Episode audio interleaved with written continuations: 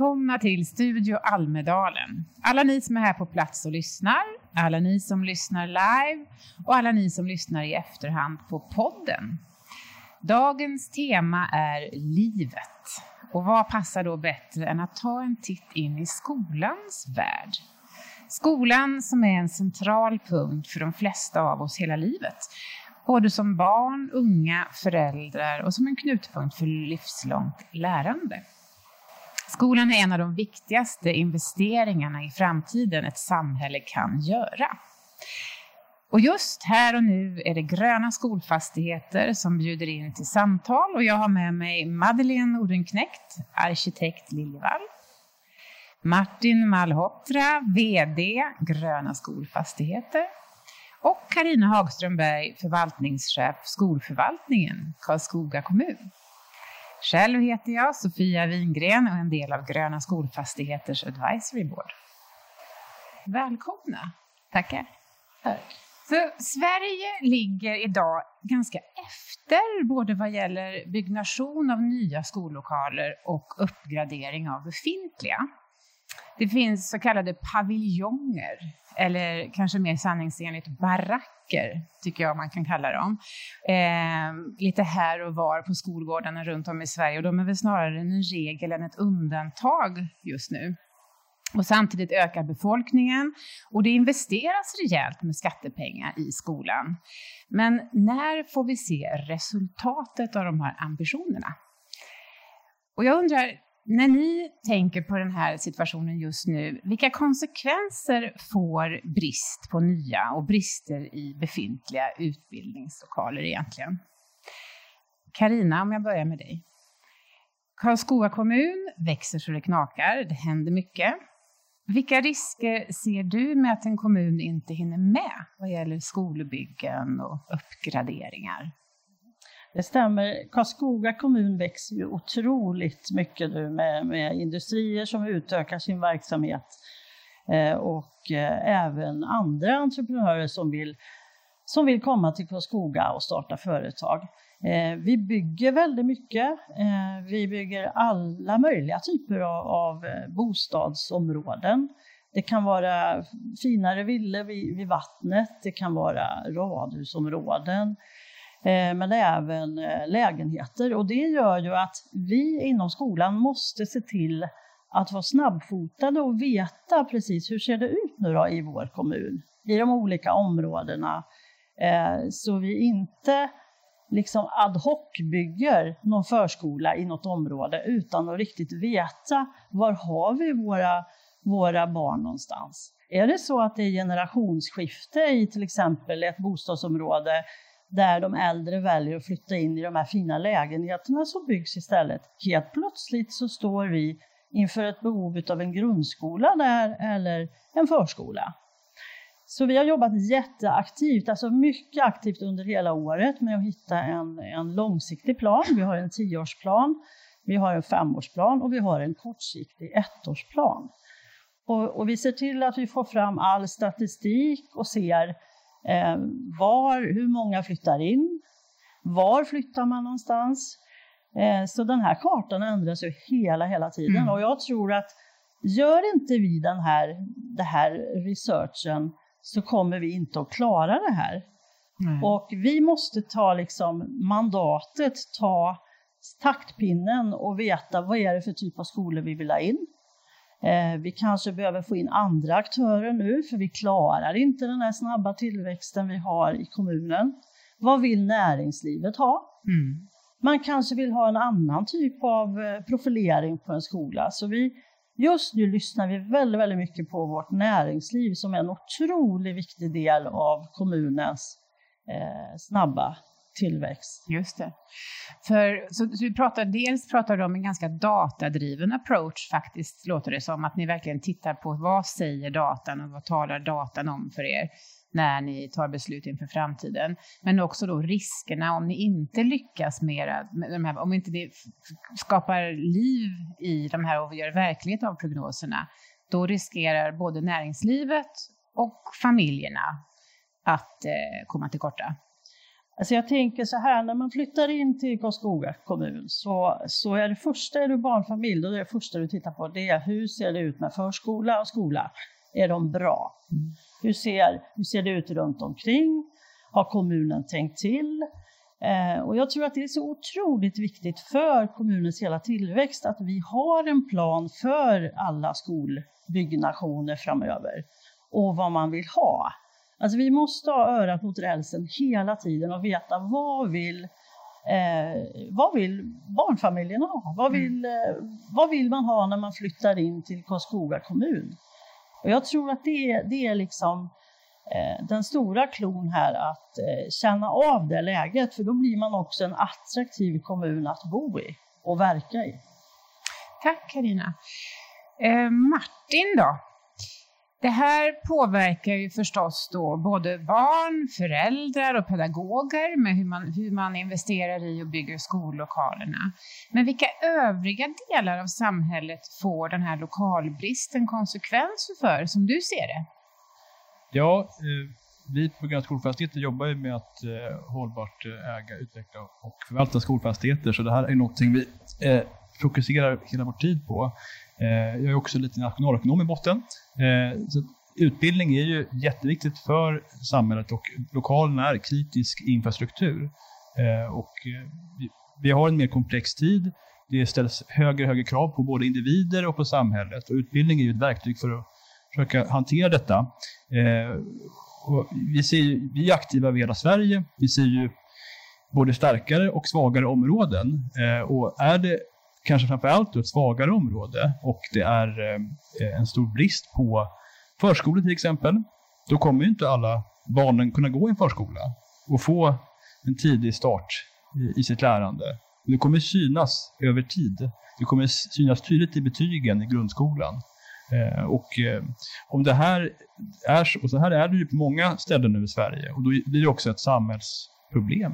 Eh, så att samhället faktiskt eh, påverkas av det här, för det är så många som påverkas.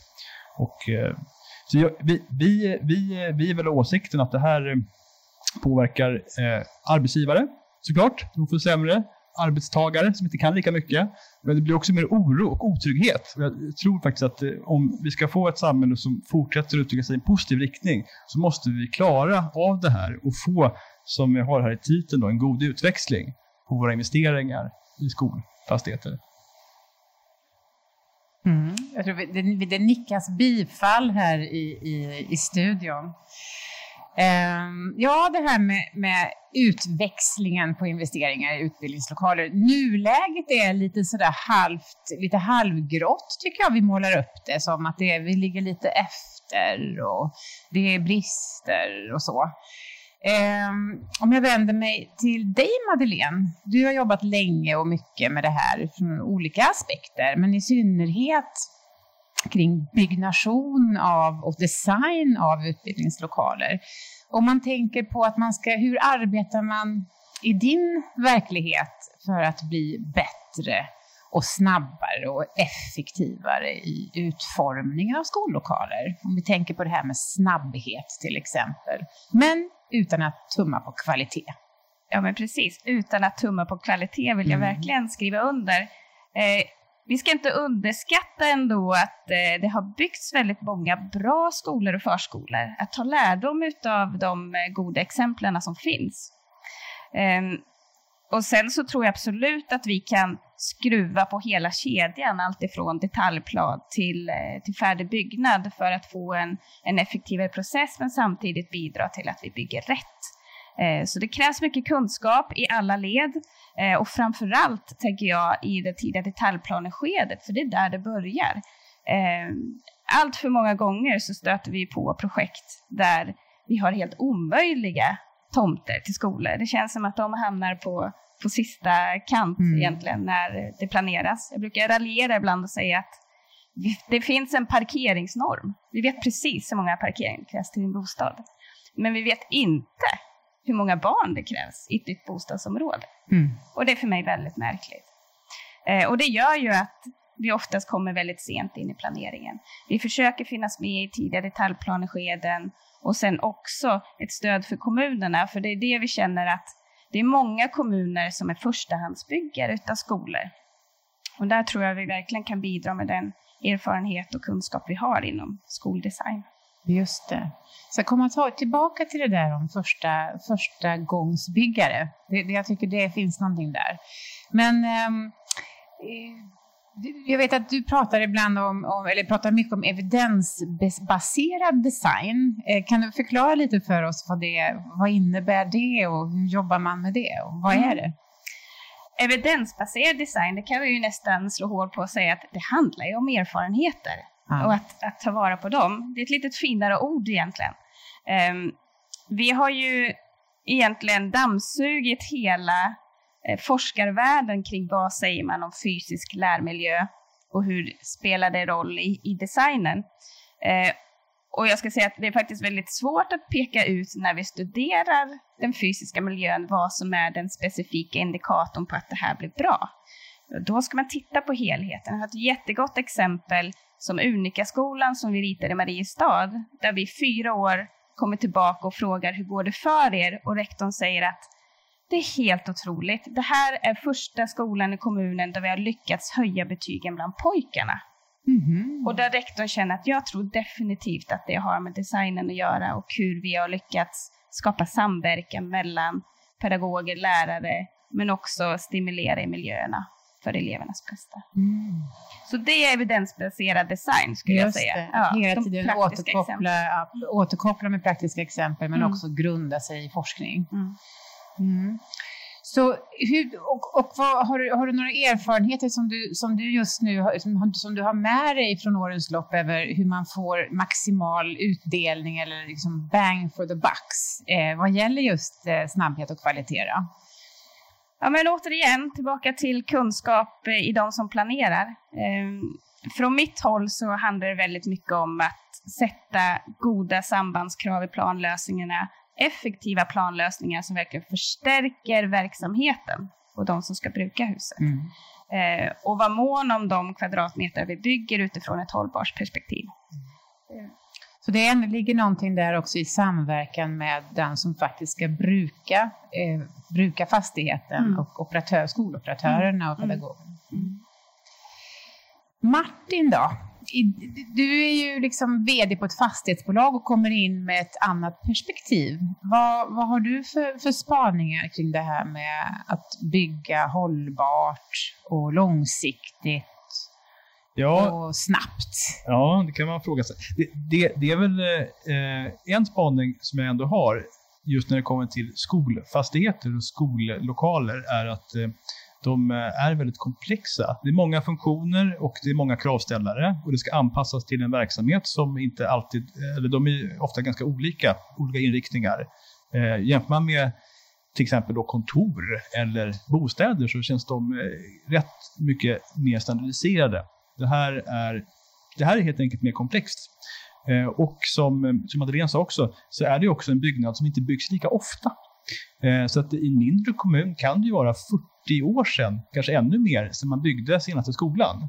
Eh, och de byggdes kanske ungefär samtidigt och sen så nu, nu, nu finns det inte längre kanske någon som var med och byggde dem. De har gått i pension, eh, gått vidare och eh, ja, då, då händer det också att få fram ett team. Så en av utmaningarna tror jag är att få fram den här det här teamet med personer som, som, kan, som kan bygga skolan och som byggherre, oavsett om det är vi eller en kommun så, så, så har du ett stort ansvar. Eh, och du ska klara av ganska många olika frågor. Och eh, det, är, det är inte helt enkelt. Så att, att det tar tid är väl också förståeligt då, till viss del. Men, eh, men samtidigt som jag sa tidigare är det väldigt viktigt att man får fram de här lokalerna.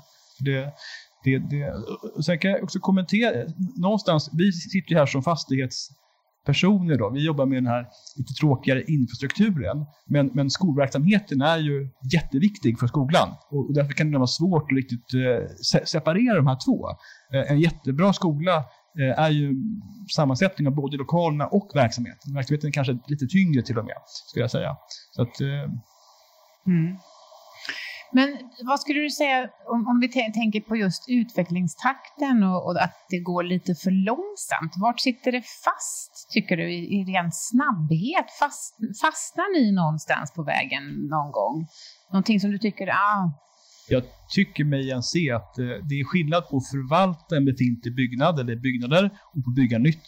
Det är helt olika eh, kompetenser och kanske också personlighetsdrag, jag vet inte. Alltså rätt person på rätt plats och eh, det är inte helt lätt att få, till det här tror jag, i en organisation. Man ska förstå vad man behöver och hur, och hur man kan få hjälp. Mm. Och, och, och, det, det, så att, det, det, är, det finns många människor som, som i Sverige har byggt skola.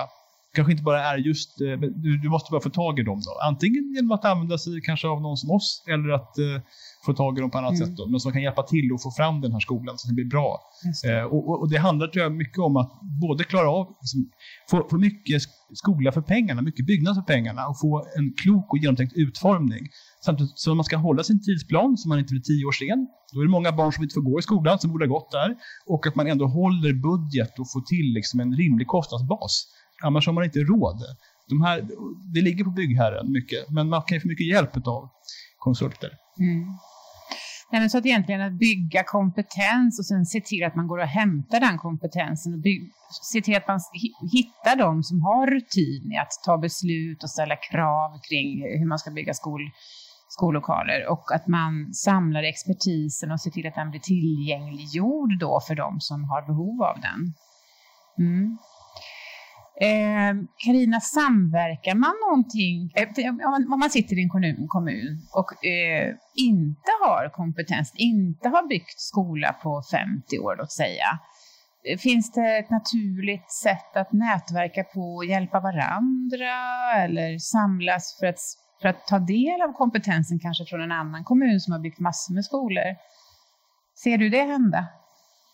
Ja, alltså jag kan ju ta exemplet nu eh, Eh, hos oss där vi både står inför eh, en ny grundskola, om vi nu ska renovera eller bygga, det är inte riktigt klarlagt än. Eh, men även, även att vi står inför byggnation av två nya förskolor i två nya områden. Jag tror att samverkan är absolut nödvändig. Jag tror inte du kommer någonstans utan det. Alltså i en kommun så har man ju olika förvaltningar. Jag är ju, representerar ju skolförvaltningen men jag är så beroende av samhällsbyggnadsförvaltningen som både tar fram en, en bra plats för skolan men även, det är så mycket annat eh, att tänka på. Sen är ju, alltså det här, en kommun är ju en politiskt styrd eh, verksamhet som eh, där är ju politiken otroligt viktiga spelare i det här. Det är de som oftast möter folket och, och eh, ute som frågar om, om, eh, om skolan i sig. Eh, så samverkan ser jag, måste man, man måste se vilka kompetenser har vi? Det kan ju vara så att någon sitter i kommunen redan idag som har den här kompetensen. Men man måste våga ta in också kompetens som man saknar. För gör man inte det så kan man ju faktiskt hamna fel. Mm. Och det, det är ju så viktigt att vi får, får bra eh, skolbyggnader, mm. bra arbetsmiljöer i det här. Mm.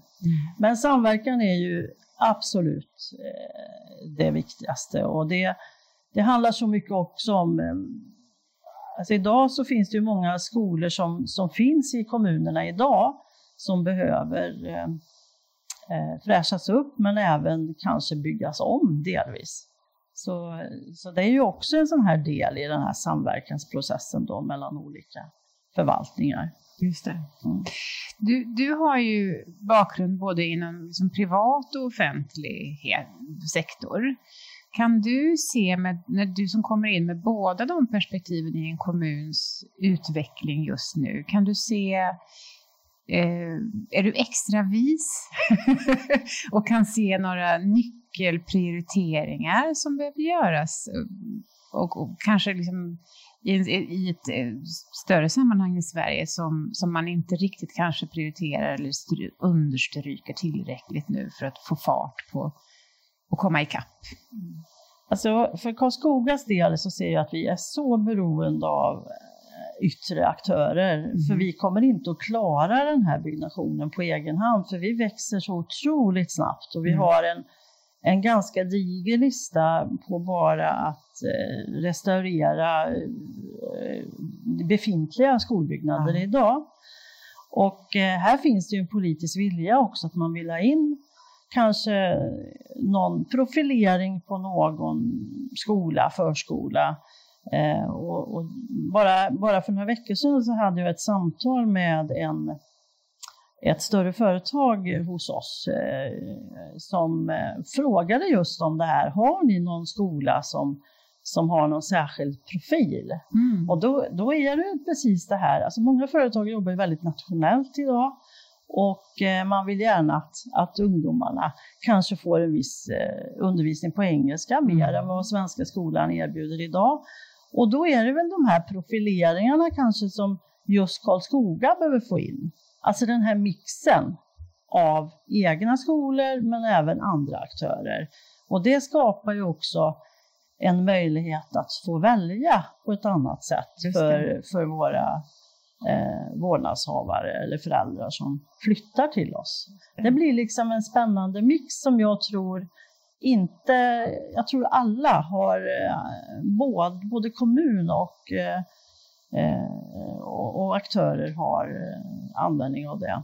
Just det. Så jag skapar tror... ju också en attraktionskraft. Ja, det, och jag. lite spännande att flytta in till Karlskoga. Man mm. blir lite sugen på ah, men vad händer i den där kommunen. Ja, men de vågar ju göra det här. Mm. De vågar liksom.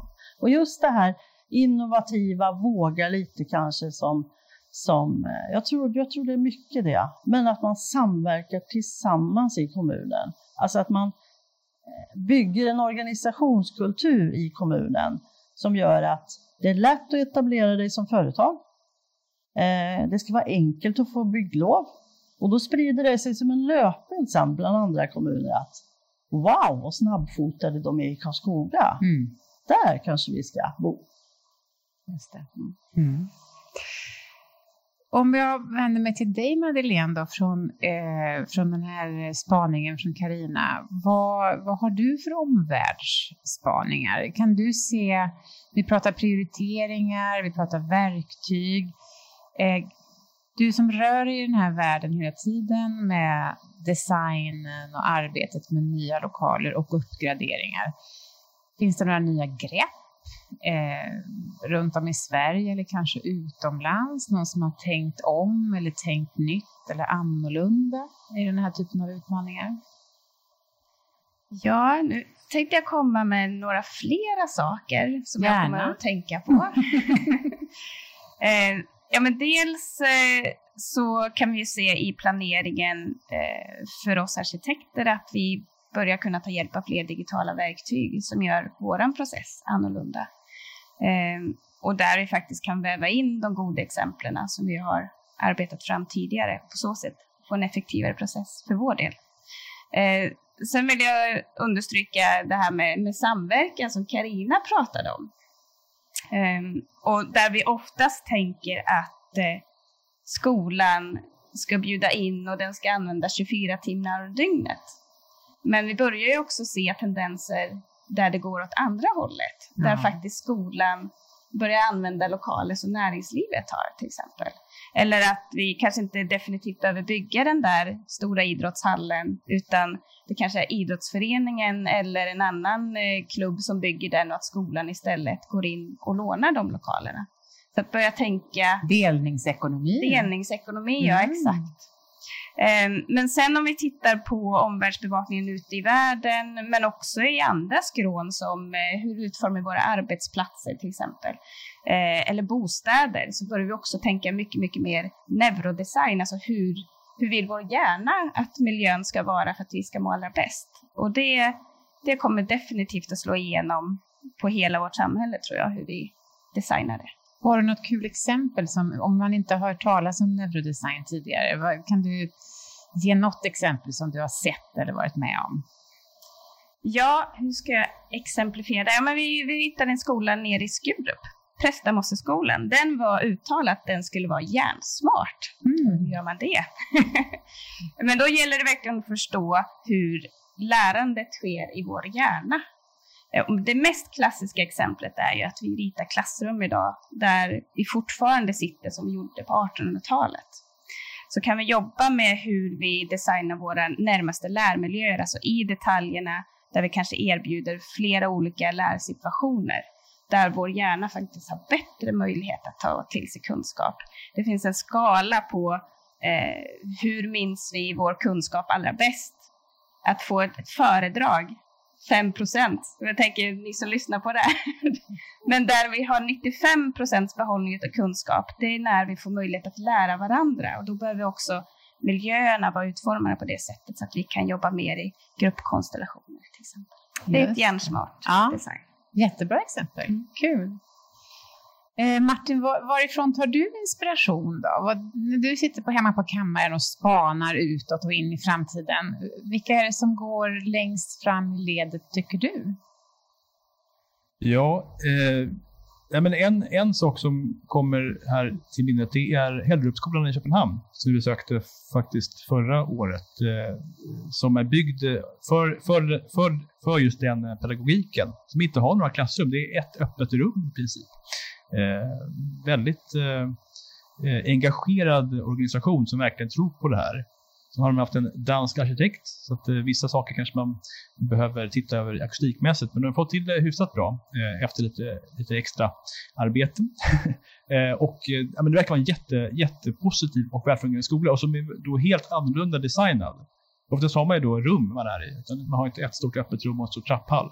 Men, men här funkar det väldigt bra. Eh, och det finns säkert skäl till att det funkar bra.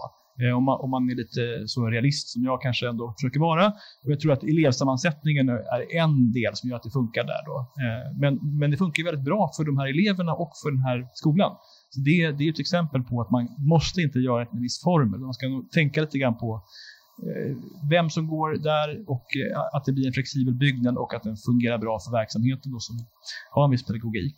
Eh, och jag tror att det där kan man prova också på andra ställen i Sverige. Så Sverige är lite kanske mer konservativt än danskarna är lite mer offensiva ibland. Vågar ta i svängarna, ta ut, eller, ta ut svängarna mera. Så det är väl en sak. Sen, sen så har vi tittat på ganska mycket hus runt om i Sverige där man har gjort ansatser och kanske inte alltid har lyckats hela vägen. Och eh, jag tror det här som Madeleine nämnde tidigare med evidensbaserad design fokuserar på vissa saker som faktiskt visar sig vara viktiga för en skola att det finns eh, bra akustik och att det finns dagsljus, att det finns rum i luft, det är kanske självklart då, men att, att en matsal eh, fungerar, att så många som möjligt kan äta där, att det är tillräckligt stort.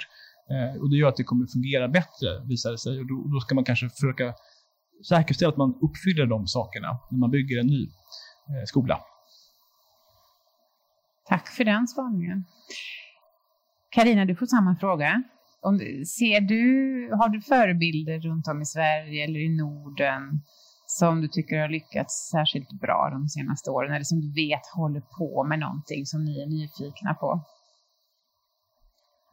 Ja, jag, jag, vet ju några kommuner här i Sverige som, som vågar kanske lite mer än andra kommuner. Nu säger jag inte namnen på dem, det, det, men, men jag kan berätta lite hur man gör. Och det, ja. det är väl det här med samverkan igen då, att du vågar ta in kanske någon arkitekt från början. Du vågar eh, samverka från början med aktörer som jobbar, eh, alltså personal som jobbar eh, i skolan och ta med deras input för att tillsammans så kan man ju eh, komma på andra idéer. Eh, inte de här kanske fyrkantiga, alltså vanliga, utan man, man hittar andra lösningar tillsammans. Och det är väl, det är väl de här innovativa kommunerna som kanske vågar bygga en lite annorlunda skola, ett annorlunda grepp. Du hade exemplet här i, i Danmark. Men det finns ju sådana exempel i Sverige också som, som eh, faktiskt, jag tror någon av de här kommunerna finns här mm. på Almedalen idag, som jag ska gå och besöka. Eh, så så jag, jag, tror ju väldigt mycket på den här organisationskulturen som finns i våra kommuner ute idag. Och får du med då allt från politiken till tjänstemännen till personalen och man känner att man får vara med från början och det är väldigt tydligt, alltså hit ska vi och vi hjälps åt. Vi är liksom en kommun. Det tror jag är grejen för kommunala verksamheten idag. Mm. Och får du till den organisationskulturen och, och, och liksom tänker på rätt sätt, då får du sån enorm kraft i det här. Eh, och du vet, ni vet ju att jag har jobbat inom friskolevärlden tidigare och just den där kraften som finns där tror jag också att kommunerna, flera, börjar få nu, liksom, där man liksom känner att vi tillsammans ska göra det här. Så jag tror ju allt är möjligt då. Jag tror att då kan man verkligen sätta skolan på kartan också och, och liksom höja meritvärden och så. Mm. Men det handlar om samverkan och organisationskulturen. Mm. Så starkt och det är väl det jag ser eh, att fler och fler kommuner anammar idag. Mm. Och det börjar visa sig och då kommer det också börja visa sig resultat. Ja, mm. precis. Kortare kommunikationsvägar, rätt mötesplatser, rätt initiativ och någon slags entreprenöriell anda i kommunen. Att vi fixar det här tillsammans. Ja, och precis det jag nämnde innan, det här med näringslivet när man vill komma och etablera sig i en kommun och så kanske du frågar två eller tre kommuner och så tar bygglovet kanske en månad eller en och en halv och så har du en kommun som fixar det på två veckor. Mm.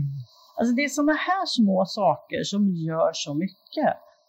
Och då tänker i alla fall jag, ja men kan de det, då är de säkert bra på skolan med. Så det ena ger det andra. Mm. Ja, bra. Eh, jag tänker så här, eh, vi har pratat om olika utmaningar. Vi har pratat om att det sitter lite fast, att det inte går tillräckligt snabbt kanske jag ska säga. Eh, jag har pratat om samverkan, eh, prioriteringar, verktyg och eh, kvalitet och kunskap. Vi, det är en massa olika kommentarer på problemställningen egentligen som handlar om hur får vi eh, en riktigt god utväxling på, på investeringarna i skolan i Sverige idag. Vilket är då den största, största utmaningen? Om vi gör en topp tre-lista, vilken, vilken svårighet eller utmaning hamnar på toppen skulle ni säga utifrån era perspektiv för att få det riktigt bra? Löser vi bara den här så kommer resten att gå av sig självt. Finns det någon sån? Om ni funderar på nummer ett. Vi ska nämligen fråga publiken om de kan tänka sig vara med och lösa den utmaningen. Martin, vill du börja? Ja, det är en väldigt bred fråga. Eh, jag tror att eh, även om vi, vi, vi jobbar, alltså, eh, där det är brist på platser för att det finns för lite lokalyta, är oftast det som är trånga sektorn då. Det är, det är jätteallvarligt skulle jag säga. Framförallt kanske på förskolesidan i områden där det behövs verkligen finnas förskoleplatser. Jag tror mm. det, för det, det ackumuleras över hela studietiden och livet. Mm. Eh, så den, den lyfter jag fram som en, en sån punkt. Då. Den är ju koppling, det är både verksamhet och lokal ska jag säga, men mm. för få platser. Och en riktigt akut samhällsfråga för mm. integration och totala utbildningsfrågor. Mm. Tack, då har jag den från dig. Vad säger du Madeleine? Ja, då skulle jag säga att gå ifrån stuprör till att bli mer en organism skulle jag säga. Och preppa med så mycket kunskap i tidigt skede. Så blir man på rätt bana, tycker jag. Kunskaps och evidenstyngd ja. och den här samverkan som vi varit inne på. Schysst. Tack för den. Karina, du får sista ordet. Ja, alltså jag kan inte nog poängtera samverkan, men jag, jag, ser också för kommunernas del så, så handlar det så mycket om planering. Du måste veta hur du har det. Du måste veta hur det ser ut med alla lokaler. Du måste ha en plan. Kortsiktig, långsiktig, långlångsiktig. För annars så, så vet du inte vart du ska. Och du måste också veta vad vill du ha för typ av skola? Vad vill du ha för typ av förskola? Så eh, det är nog den absolut viktigaste frågan för, för kommunen att ha koll på. Men sen samverkan Mm. är så viktig alltså. Mm. Då kan det hända otroliga saker och man blir så stark tillsammans. Så vad vill du ha och vad vill dina medborgare ha för Mm. skola? Mm. Och att ha det, och återigen evidensbaserat, alltså samla in data och, och läsa av, planera. Mm. Och framförallt alltså när man växer som, som vi gör så är det ju så mycket också vad, vad näringslivet, eh, vad målgruppen vill ha. Och jag tror den mixen är också viktigt. Så det är så många parametrar här som ska stämma.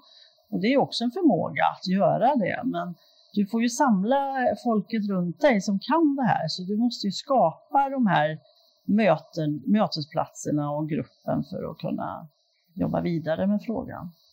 Och där hör jag ledarskap också som en av lösningarna. Hör jag inte det? Absolut.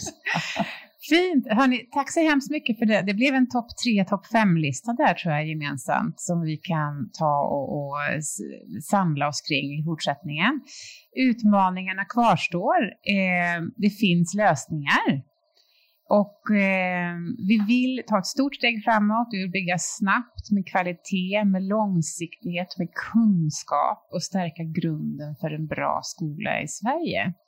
Och det låter som att det finns ambitioner från alla håll som jag med spänning ser fram emot kommer att realiseras. Jätteintressant och spännande att höra era perspektiv, era spaningar och era erfarenheter. De tar vi med oss in i framtiden och i livet. Tack så hemskt mycket Martin, Madeleine och Karina för att ni var med. Det här samtalet presenterades av Gröna skolfastigheter och om ni som lyssnar vill vara med och lösa de här utmaningarna med oss så gå in på studioalmedalen.se och eh, i- kom med era bidrag. Det ser vi fram emot. Vi, jag säger på återseende och på återhörande. Tack för att ni kom hit. Tack alla som lyssnar. Hej! Hej då! Hej, tack.